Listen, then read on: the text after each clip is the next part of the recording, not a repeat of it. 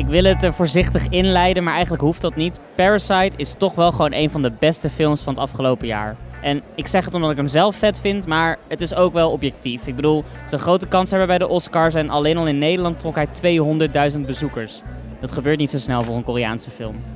De film is nu op IFFR te zien in een speciale versie, in een zwart-witte namelijk. En het is een beetje vervelend om toe te moeten geven, maar ik ben zuur dat ik er niet naartoe kon. Ik kon er geen kaartjes voor krijgen en ik mag zoveel moois hier zien, maar hey, toch serieus gewoon benieuwd naar waarom een regisseur zijn film zwart-wit zou vertonen. Ik bedoel, het is toch gek, hè? Je ziet het nooit andersom. Dat Alfonso Cuarón opeens zou zeggen: Ik ben Roma nog een keer in kleur uit. Bovendien kost het heel veel meer werk, hè? Het is niet zoals Instagram dat je dan met een filter even de hele boel zwart-wit trekt. Bong heeft dat allemaal handmatig moeten doen. Dus de vraag is: waarom deze zwart-wit versie en is het erg als ik hem mis? Nou, vanmiddag bij de masterclass van Bong Joon-ho, die eigenlijk veel meer een Q&A is, legt hij het uit met een grapje. Hij zegt: alle grote klassieke meesterwerken zijn zwart-wit en ik wil ook gewoon een groot klassiek meesterwerk hebben gemaakt. Dus ik heb mijn kleurenfilm zwart-wit gemaakt. Het was de snelste route om een film tijdloos te krijgen. Ik zou niet weten hoe ik het doe met een script anders. Hij vult dan aan, je kan dankzij zwart-wit ook wel beter op de texturen letten. En ook op het acteerwerk. In de twee keer dat de regisseur zelf zijn film in zwart-wit keek, kwam hij daarachter. Iemand in de zaal vraagt dan of Bong ooit concessies moest maken. Wegens geld of belangen van producenten. En dan zegt hij iets belangrijks. Hij zegt dat hij geluk heeft gehad, zelfs met zijn Netflix-film Okja, dat hij altijd precies mocht doen wat hij wilde. En daarin ligt dan opeens het antwoord op mijn vraag of het erg is dat ik die zwart-wit vertoning mis. Ik heb namelijk iets veel specialers gezien dan Parasite in zwart-wit. Ik mocht de film ooit zien in kleur. En dat was precies zoals de regisseur hem wereldwijd wilde vertonen.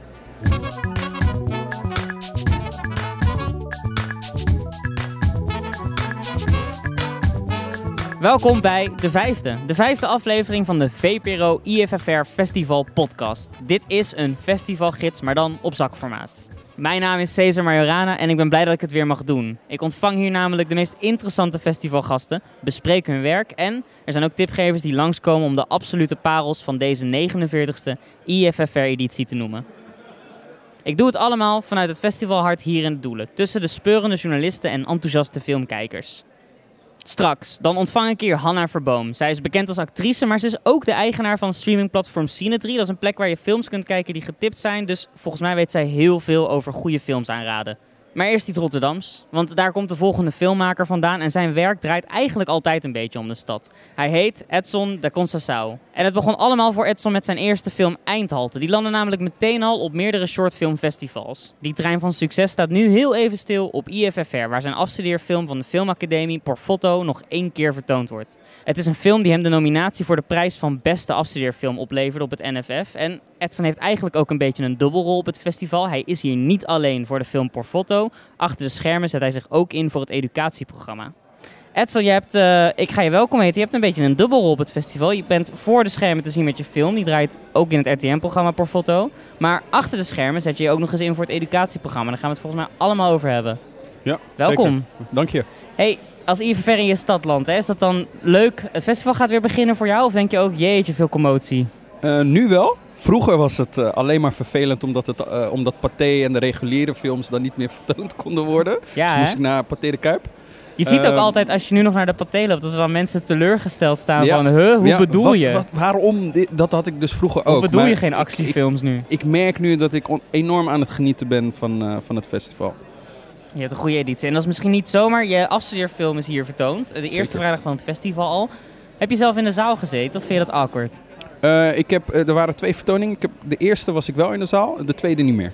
Nee. Waar ga je dan op letten als je dan zo in de zaal zit bij je eigen filmvertoning? Geluiden. Elk geluidje wat, Ja, wat dan uh, naar boven komt, dat uh, analyseer ik meteen in mijn hoofd. Waarom? Waarom lacht iemand daar? Klopt dat? Zit hij daar wel op de juiste plek? En als dat niet daar hoort, waarom dan wel? Dus dat, ja.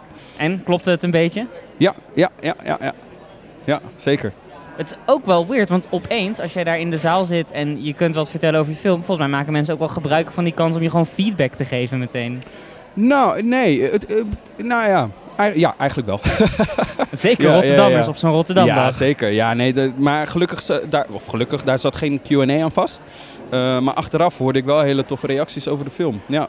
Lekker man. Hoe, eh, eh, eh, hoe is dat dan voor jou nog belangrijk om te weten wat mensen ervan bedoelen? Inmiddels heb je al een nominatie gehad, die film heeft al een beetje gedraaid. Het is altijd belangrijk wat mensen ervan vinden. Want ik maak de film niet voor, voor mezelf, maar ik maak het ook juist ook voor het publiek.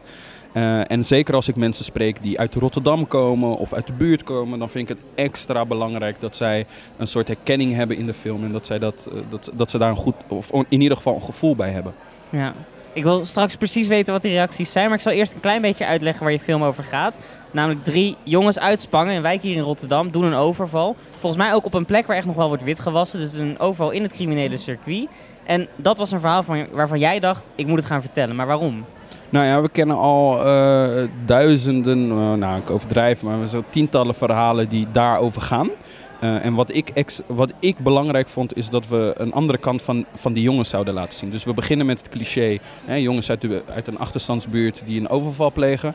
Maar ik wilde vooral de gelaagdheid daarna laten zien. Dus waar, waar komen ze vandaan? Wie zijn deze jongens? Eh, wat voor keuzes maken zij eh, nadat ze zo'n overval hebben gepleegd? Wij starten daarom de film ook meteen met de overval. En het gaat over veel meer dan alleen die overval. Daarna gaat het over die nasleep. Ja. Hey, en dat hebben dus mensen uit waarschijnlijk ook de wijk Spangen dus hier kunnen zien op de Rotterdamdag van het festival. Ja. Ik ben echt benieuwd, hoe zijn dan de reacties? Eh, de film is ook nog eens ook in de buurt eh, vertoond. Dus naast IFFR is het ook echt in Spangen vertoond. En de reacties zijn tot nu toe, eh, heb ik alleen maar positieve reacties eh, gehoord. En, en, en dat mensen zoiets hadden, eindelijk dat er een film wordt vertoond die eh, misschien wel niet de leuke kant, maar wel een kant laten zien van de wijk. Eh, en dat op een, op een bijzondere manier eh, te laten zien. Dus dat eh, hele toffe reacties. Ah, te gek. Ja, want je kan je ook voorstellen dat veel mensen die dan uit die wijken komen. Ik heb het zelf meegemaakt eh, toen ik keek naar de documentaire van de Broederliefde, die ook over Spangen ging. Ja. Die hebben heel erg hun best gedaan om iets positiefs te vertellen Ja. over Spangen. Want ze zeiden van ja, maar Spangen komt al zo vaak hier Zeker. negatief in het nieuws. Dus dat ook de andere kant op uit kunnen vallen bij jou. Zeker. Ik, ik had ook net zo goed een hele blije, jolige film kunnen maken. Had het ook, had ook gekund. Maar ik wilde toch, hè, ik, wat ik ook tegen, want ik heb die vraag al wel vaker gehad, waarom zo negatief, dus de, de wijk zo negatief neerzet. Maar waar ik vooral op gefocust ben, is ik wil geen negatief verhaal vertellen. Ik wil ook geen positief verhaal vertellen. Ik maak een verhaal over zoals ik zie dat voor mij de realiteit is. En dat heb ik proberen te vangen. Een, een film die ik denk ik nog niet in Nederland heb gezien. Eh, en, en dat is wat ik vooral wilde vangen met deze film. Nou, het is zeker een bijzondere film geworden. En mede daardoor is de film dus ook gekozen voor het educatieve programma op het festival. Maar daar weten de meeste mensen die hier rondlopen volgens mij niks van. Dus leg ons uit, wat gebeurt er dan qua educatie hier op IFFR? Eh, nou, de film wordt eh, naast het reguliere programma dus 30 keer vertoond in een educatieprogramma. Dat is Eh, ontzettend dat is veel. Dat is meer dan ontzettend zeg veel, maar ja. Bong Joon-ho's film Ja. Parasite. Ja. Dat is meer dan de meeste films. Dus dat is echt insane veel. En ehm eh, 5000 studenten die, die bekijken de film. Dus dat is ook echt enorm veel. Ehm, en, en, en het idee is dat het, het zit samen met andere films in het blok, maar Portfoto eindigt altijd het blok. Eh, en dan ga ik een Q&A geven. En dan kunnen de studenten, eh, de scholieren, die kunnen eigenlijk eh, vragen stellen. Eh, hoe de film is gemaakt en, en waarom en waarom hier. Oké, dus wacht even. De scholieren mogen jouw film zien. Maar even voor ons beeld, hoe oud zijn die mensen? Die jongeren? dat varieert volgens mij tussen de 12 en de, en de 14, 15 zo. Wauw, goede puberleeftijd om een film op te kijken. Ja, zeker. Ja, ik denk dat de reacties dan ook heel anders zijn dan je normaal gewend bent. Nee, ik, nou, enthou- enthousiaster eigenlijk. Want ik, ik merk ook dat kids liegen niet. Dus eh, ze- zij zeggen gewoon waar het voor staat. En ik merk dat zij heel enthousiast worden over de film. En ze willen heel graag een deel 2. En het is ook een spannende film. Als het een gangsterfilm is, dan ben ik sowieso als puber was ik dan sowieso al aangewezen ja, natuurlijk. Ja, ja, ja. Hey, en wat voor vragen stellen ze dan in die Q&A's? Nou, eh, komt er een deel 2? Is vaak de eerste vraag die ik krijg. Wat gebeurt er met een van de personages in de film aan het eind? Eh, maar ook, eh, wat voor camera heb je, heb je gefilmd? En eh, ze hebben soms ook nog wel ideeën over deel 2. Oh echt? Ze Ja, komen echt ja, al met ze komen een al met ideeën. En, en die- sequelplannen. Ja, en natuurlijk, er, er wordt geschoten ook in de film. Dus dan vragen ze zich ook af, hè, hoe, hoe werkt dat? Hoe mag dat? Is dat een echt wapen? Dus dat zijn wel Ik vind het allemaal hele leuke vragen die ik soms bij echte Q&A's ook nog wel eens mis. Omdat ik denk van ja, jullie willen dit ook weten of er een deel 2 komt of dat er echt geschoten is. Maar jullie durven niet te vragen omdat het niet chic is. Kids hebben geen grens. Die, die, die stellen dat gewoon. Ja, Wat, zijn, wat zijn de gekste vragen dan in die reeks? Oeh, eh, nou, eh, d- d- eh, dat vind ik een lastige vraag. Dat vind ik een lastige vraag wat jij stelt. nee, ik weet niet. Ik weet niet wat. ik heb eigenlijk geen lastige vraag gekregen. Eigenlijk hele recht toe recht aan vragen waar ik altijd wel een antwoord op heb. Nee, ik denk dat toch de lastigste vraag zou zijn: is wat gebeurt er in deel 2? Daar zijn we nog niet. Dat maar is ook eigenlijk dat is, een dat is er nog niet. Dus ik, ik, ja, dat, dat probeer ik dan altijd te zeggen. Ja, daar zijn, ik hoop ooit een deel 2 te maken. Eh, dus eh, dat vind ik misschien nog wel de lastigste. Ja. Oké, oké, oké. Hey, ehm, ik vraag me ook wel af. Je zit dan in zo'n zaal. Je, bent met best wel, je trekt dan best wel lang met scholieren op. Uiteindelijk leer je ook iets van hem. Nou ja, ze komen dus met suggesties over, over een mogelijk eh, vervolg. En eh, ja, daar komen ze nog best wel met en eh, je wat toffe- wel toffe notities van, hey, Ja, dit is waar ze goed op reageren. Ja, en, eh, zeker. Ja. Zit je, zie je dan ook, eh, je doet ook workshops aansluitend? Ja. En hoe gaan die workshops in hun gang? Dan ga je echt naar die scholen toe? Nee, eh, dat, eh, IFFR in, in, in samenwerking met Digital Playground. En eh, doen wij een soort workshop geven. Eh, middelbare scholen kunnen zich daarvoor aanmelden. Dat zijn wel oudere eh, scholieren. Eh, denk aan 15, 16. Ehm, en, die, en wat we dan doen is een half uur een masterclass geven. Of ik geef een, een half uur masterclass. En dan gaan ze 2,5 uur eh, zelf aan de slag. En eh, dat gebeurt dus bij Digital Playground gebeurt dat. En wat, eh, aan de slag, wat doen ze dan? Gaan ze Eh, echt een filmpje maken? Ja, ja, ze gaan zelf aan de slag en ze gaan ook hun wijk eh, het liefst op een positieve manier, maar mag ook op een, op een juist een hele duistere manier. Maar met de filmische elementen of middelen die ik ze net in de masterclass heb gegeven, moeten ze aan de slag gaan met een eigen, eigen gemaakte korte, kort filmpje over hun wijk. Nou, een groot cadeau voor deze podcast zou toch wel zijn als je ons ook zo'n masterclass workshop filmtip kan geven. Een filmtip. Ja, of een tip, zeg maar een tip als filmmaker dus. Oeh, ehm, nou, het is wel heel specifiek natuurlijk gericht op de film, de workshop die ik geef. Uh-huh. Eh, maar als maker is gewoon blijven maken. Dat is volgens mij eh, is dat de beste tip die De ik. eh, eeuwige tip, hè? ja, dat is, daar heb ik ontzettend veel van geleerd. Gewoon blijven maken, blijven doen. Als je alleen bent, er is altijd wel een vriend of een vriendin die je kan helpen en ondersteunen. Doe dat dan ook. Zitten er bij die jonge kids al jongens tussen waarvan je denkt van... hé, hey, dat is potentieel een filmmaker. Dat Daar zie ik al iets in. Dat hoop ik wel. Ja, ik merk ook dat heel veel van die, van die kids dat tijdens eh, de workshop heel veel van die eh, eh, punten eigenlijk heel snel opneemt. En daar ook iets van maken. En dan denk ik, oh, zo, daar had ik vroeger, deed ik daar veel langer over. En daar, doen, daar schakelen ze sommigen heel, heel goed en heel snel op. Te gek man, lijkt me heel vet om te Ja, zien. heel tof is het ook. Ook iets teruggeven aan, aan, de, aan, de, aan de kids. Het is misschien een unrelated vraag, maar ik moet er toch gaan denken en ik ga hem ook toch stellen. Ik heb wel vaak het idee dat dit soort workshops, dat dat, je ma- maakte iets namelijk over de wijk Spangen. Spangen is, als je niet in Rotterdam, het staat bekend als een wijk waar inderdaad wel problemen ook zijn en waar jongeren leerachterstanden opbouwen. Zijn het ook de jongeren uit dat soort wijken die dan zo'n workshop krijgen? Of zijn dat toch de hippe scholen die zeg maar, zich inschrijven voor een filmprogramma? Nee, Want ik ben altijd bang dat het dan alleen maar is weggelegd, we- weggelegd voor de coole kinderen. Nee, dat hoop ik dus juist ook niet. Maar we hebben scholen over heel Rotterdam verdeeld die komen. Dus inderdaad ook eh, gewoon uit de wat rijkere buurten en de, en, de, en de juppenbuurten. Maar we hebben ook zeker uit de wijk Spangen of uit de wijk... eh, ik ga bijvoorbeeld uit, uit West ook. Ik eh, binnenkort ook op Wolford eh, ook, ook les of een workshop geven. Dus scholen over heel Rotterdam die dan eh, zo'n workshop komen, komen nemen. Ah, te gek. Het is wel echt voor iedereen. Ja, echt voor iedereen. Mooi. Hey Edson, ik las in het AD dat jij vond dat Rotterdam de allergrootste filmstad van het land moet worden. Ik vraag me af, hoe gaan we het bereiken en wat gaat het ons opleveren? door Rotterdamse verhalen te vertellen. Ik denk dat het daar als eerste begint. Dicht bij jezelf als maker.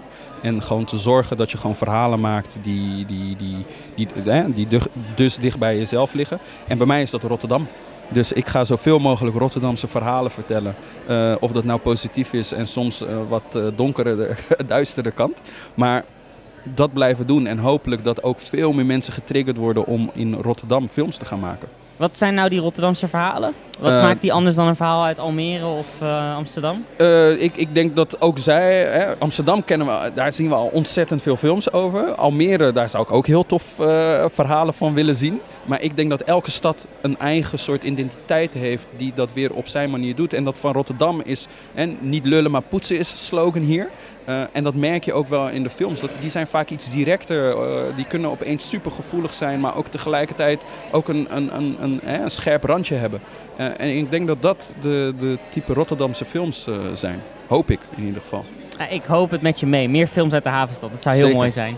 Edson, dankjewel voor het afleveren van Porfoto hier op het filmfestival. Hij is inmiddels niet meer te zien. Dus wat is de volgende kans voor luisteraars om die film nog ergens te checken? Eh, hij is op NPO Start is die, eh, te zien. Moet je wel een abonnement voor hebben. Eh, en voor de rest hopen we gewoon zoveel mogelijk eh, festivals te pakken. Ja, en als de kinderen gelijk krijgen, dan toch gewoon een deel 2 ook, hè? Ja, zeker. Te gek.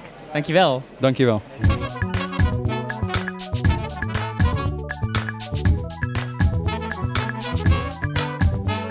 Yes, en dan is hier aangeschoven Hanna Verboom. Zij is actrice, maar ook de eigenaar van een online streamingdienst. Het, eh, het heet Cinetry en het is eigenlijk meer een soort ja, online filmboutique, zou ik willen zeggen. Je kijkt naar films die getipt worden door een groep wisselende curatoren. En die curatoren kunnen mensen zijn als nou, Femke Halsema, Pepijn Lane, Sigrid de Napel of Halina Rijn. Leden krijgen altijd toegang tot een select aantal films. Ik heb net gekeken, er staan er nu 17 op.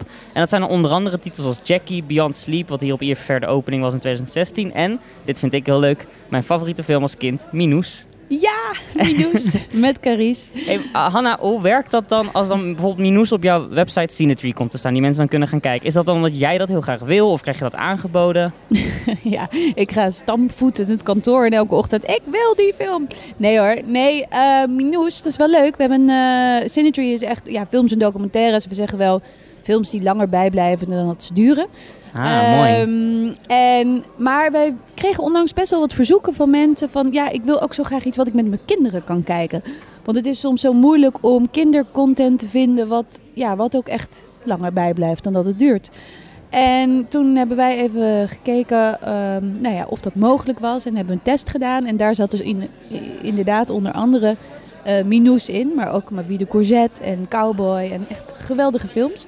En ons idee daarmee mee is niet zozeer films alleen voor kinderen.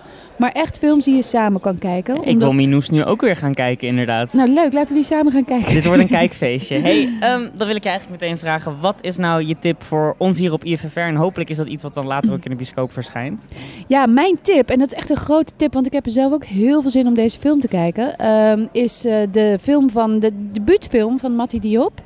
Eh, zij is een uh, Senegalese eh, regisseur en zij heeft een hele bijzondere film gemaakt en die heet Atlantiek. Atlantiek. Ja, het is een heel bijzonder verhaal. Het is een beetje gebaseerd op het verhaal van Odyssee, dus echt een liefdesfilm. Ehm, alleen geplaatst in, in, in Noord-Afrika, waarmee we natuurlijk in de ja, in de, de, de arena stappen ook van, van vluchtelingen, van mensen die op de boot stappen en naar Europa proberen te komen. Ehm, en zij heeft dat op een manier gedaan die, die, die heel poëtisch is, die heel filmisch is, eh, die ook een beetje mystiek is bijna.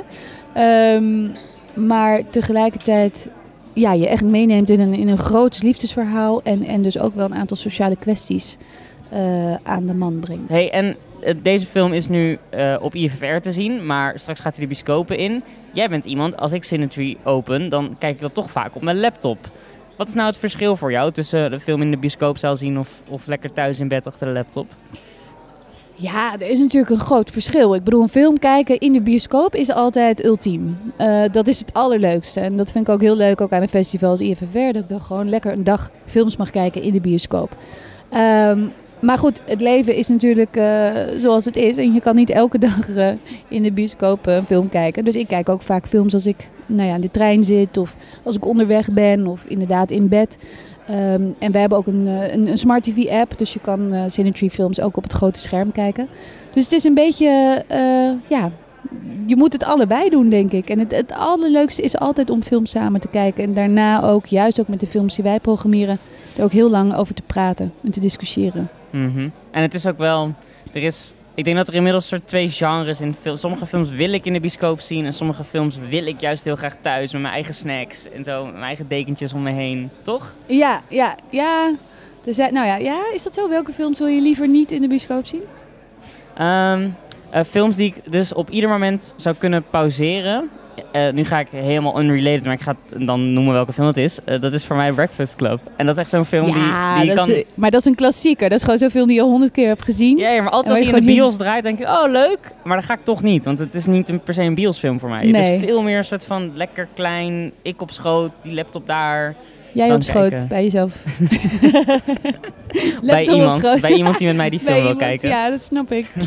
ja, nee, eens, eens. En, en, en dat is ook wel, wij draaien ook heel veel klassiekers. eh, en juist ook films als Breakfast Club. Ehm, en, en bij, weet je, nieuwe films. En, en zeker Atlantiek, die cinematografisch ook eh, ja, vrij hoogstaand is. Ja, die wil je het liefst in de, in de bioscoop kijken. Maar ja, of gewoon thuis op een nieuw groot scherm. Ik, omdat ik zo hoor hoe, je, hoe enthousiast jij bent over deze film en ik weet wat voor werk jij doet, denk ik ook van god, de kans is wel vrij groot dat hij op een gegeven moment over x aantal tijd op Cinetweet te zien gaat zijn. Ja, zeker. Nou, dit wil ik heel graag. Daar gaan wij, ehm, ja, wat wij ook wel veel doen. Ik bedoel, nu staat er ook films als, als Jackie en ehm, eh, Stranger Paradise noemde je natuurlijk, maar ook eh, Tomorrow. Wat wij veel doen is dat, dat we de onderwerpen van films of de onderwerpen die geraakt worden, dat we die eigenlijk nog in een grotere context zetten. En ik vind het debat rondom nieuwkomers, eh, ja, dat is een debat wat wat mij betreft nog heel veel gehouden mag en moet worden. Ehm, dus als wij een beetje samenwerking met, met, met de distributeur, met de filmmakers, ehm, met een film als Atlantiek dat kunnen gaan eh, houden, dan, dan doen we precies waar we Cinetree voor hebben opgezet. En nu zei je al debat, er is dit jaar een heel groot debat in de filmwereld en dat is het streamingdebat. De Streaming Wars 2020 moet het jaar zijn dat we daar eh, nog veel meer spelers in gaan zien. Wat is dan de rol van Cinetree in die grote oorlog der Netflix en Hulu en Disney en... Ja, goede vraag. Eh, wij zijn, eh, of ik ben vijf jaar geleden begonnen met Cinetree. Toen eigenlijk Netflix nog maar net gelanceerd was en er verder helemaal niets was. Eh, weet je, Videoland bestond nog niet. Er was nog helemaal niks qua VOD. Nu heeft zelfs het filmfestival in Rotterdam heeft Unleashed, waar je dus ook Ja. films kan kijken. Wat ik zo nu en dan wel eens doe, maar wat ook weer een extra platform en een extra inlog en een extra wachtwoord. En Ja, precies. Dus dat, dat, dat is grappig. Er gebeurt natuurlijk ongelooflijk veel in het hele ehm, spectrum. En ik denk dat onze rol, dat die eigenlijk alleen maar versterkt wordt, omdat wij juist zo zitten op selectie. En het is ons doel niet, zoals bijvoorbeeld de Netflix, dat jij zoveel mogelijk uur gaat kijken. Kijk, Netflix heeft gewoon letterlijk als KPI, voor, weet je, als target voor hun, hun, hun mensen van, eh, nou ja, x aantal uur per dag. Ik zeg maar wat, twee, drie uur. Ehm, voor ons, al kijk jij maar één film, of twee films, liever, liever twee films, maar al kijk je maar één film ehm, per maand, maar die film heeft je geraakt en die film doet iets met je en die film, daar praat je nog dagen over en dan denk je nog over na. Eh, en misschien maak je wel andere keuzes of, of ga je wel anders nadenken door die film. Ja, dat, dat is ons doel. En daarin zijn we gewoon wel echt anders dan de anderen. En hebben we gewoon een kleinere selectie en zitten we veel meer ook op content eromheen, eh, artikelen, interviews en originals en eh, events, openluchtvoorstellingen. Dus we blijven daarin toch een beetje de eigenwijze boutique versus alle grote warenhuizen die overal ik snap opspringen. volledig wat je zegt. De film Ja, Atlantiek Ga draait hem kijken. 31 januari nog op het filmfestival van Rotterdam. Dat is om half één in de Oude Luxor. Maar wil je hem op, eh, op het grote doek zien bij jou in de buurt, dan kan dat vanaf 13 februari. Dan draait hij in alle bioscopen. En over een tijdje bij Cinetree. Yes. Zin in. Eerst Minoes nog maar kijken. Miauw. Dit was het voor deze aflevering. Maar ik ga je wel vast tippen wat er morgen te horen is in deze podcast. Dan is er namelijk Martin Koolhoven die hier op IFFR Masterclass doet. En ik ben heel benieuwd wat daarin gaat eh, verteld worden. Hij is zelf volgens mij niet de allergrootste IFFR-fan op aarde. Verder is ook filmjournalist Hugo Emmerzaal morgen in de show. En hij heeft eh, sowieso heel veel gezien op het festival. Maar belangrijker nog, hij kan ons vertellen waarom de protesten van Hongkong momenteel van invloed zijn op het programma hier op IFFR. Dat is allemaal morgen, maar voor nu zou ik het leuk vinden als je ons waardeert in je favoriete podcast-app. En eh, als je er morgen weer bent. Maar niks moet natuurlijk. Bedankt.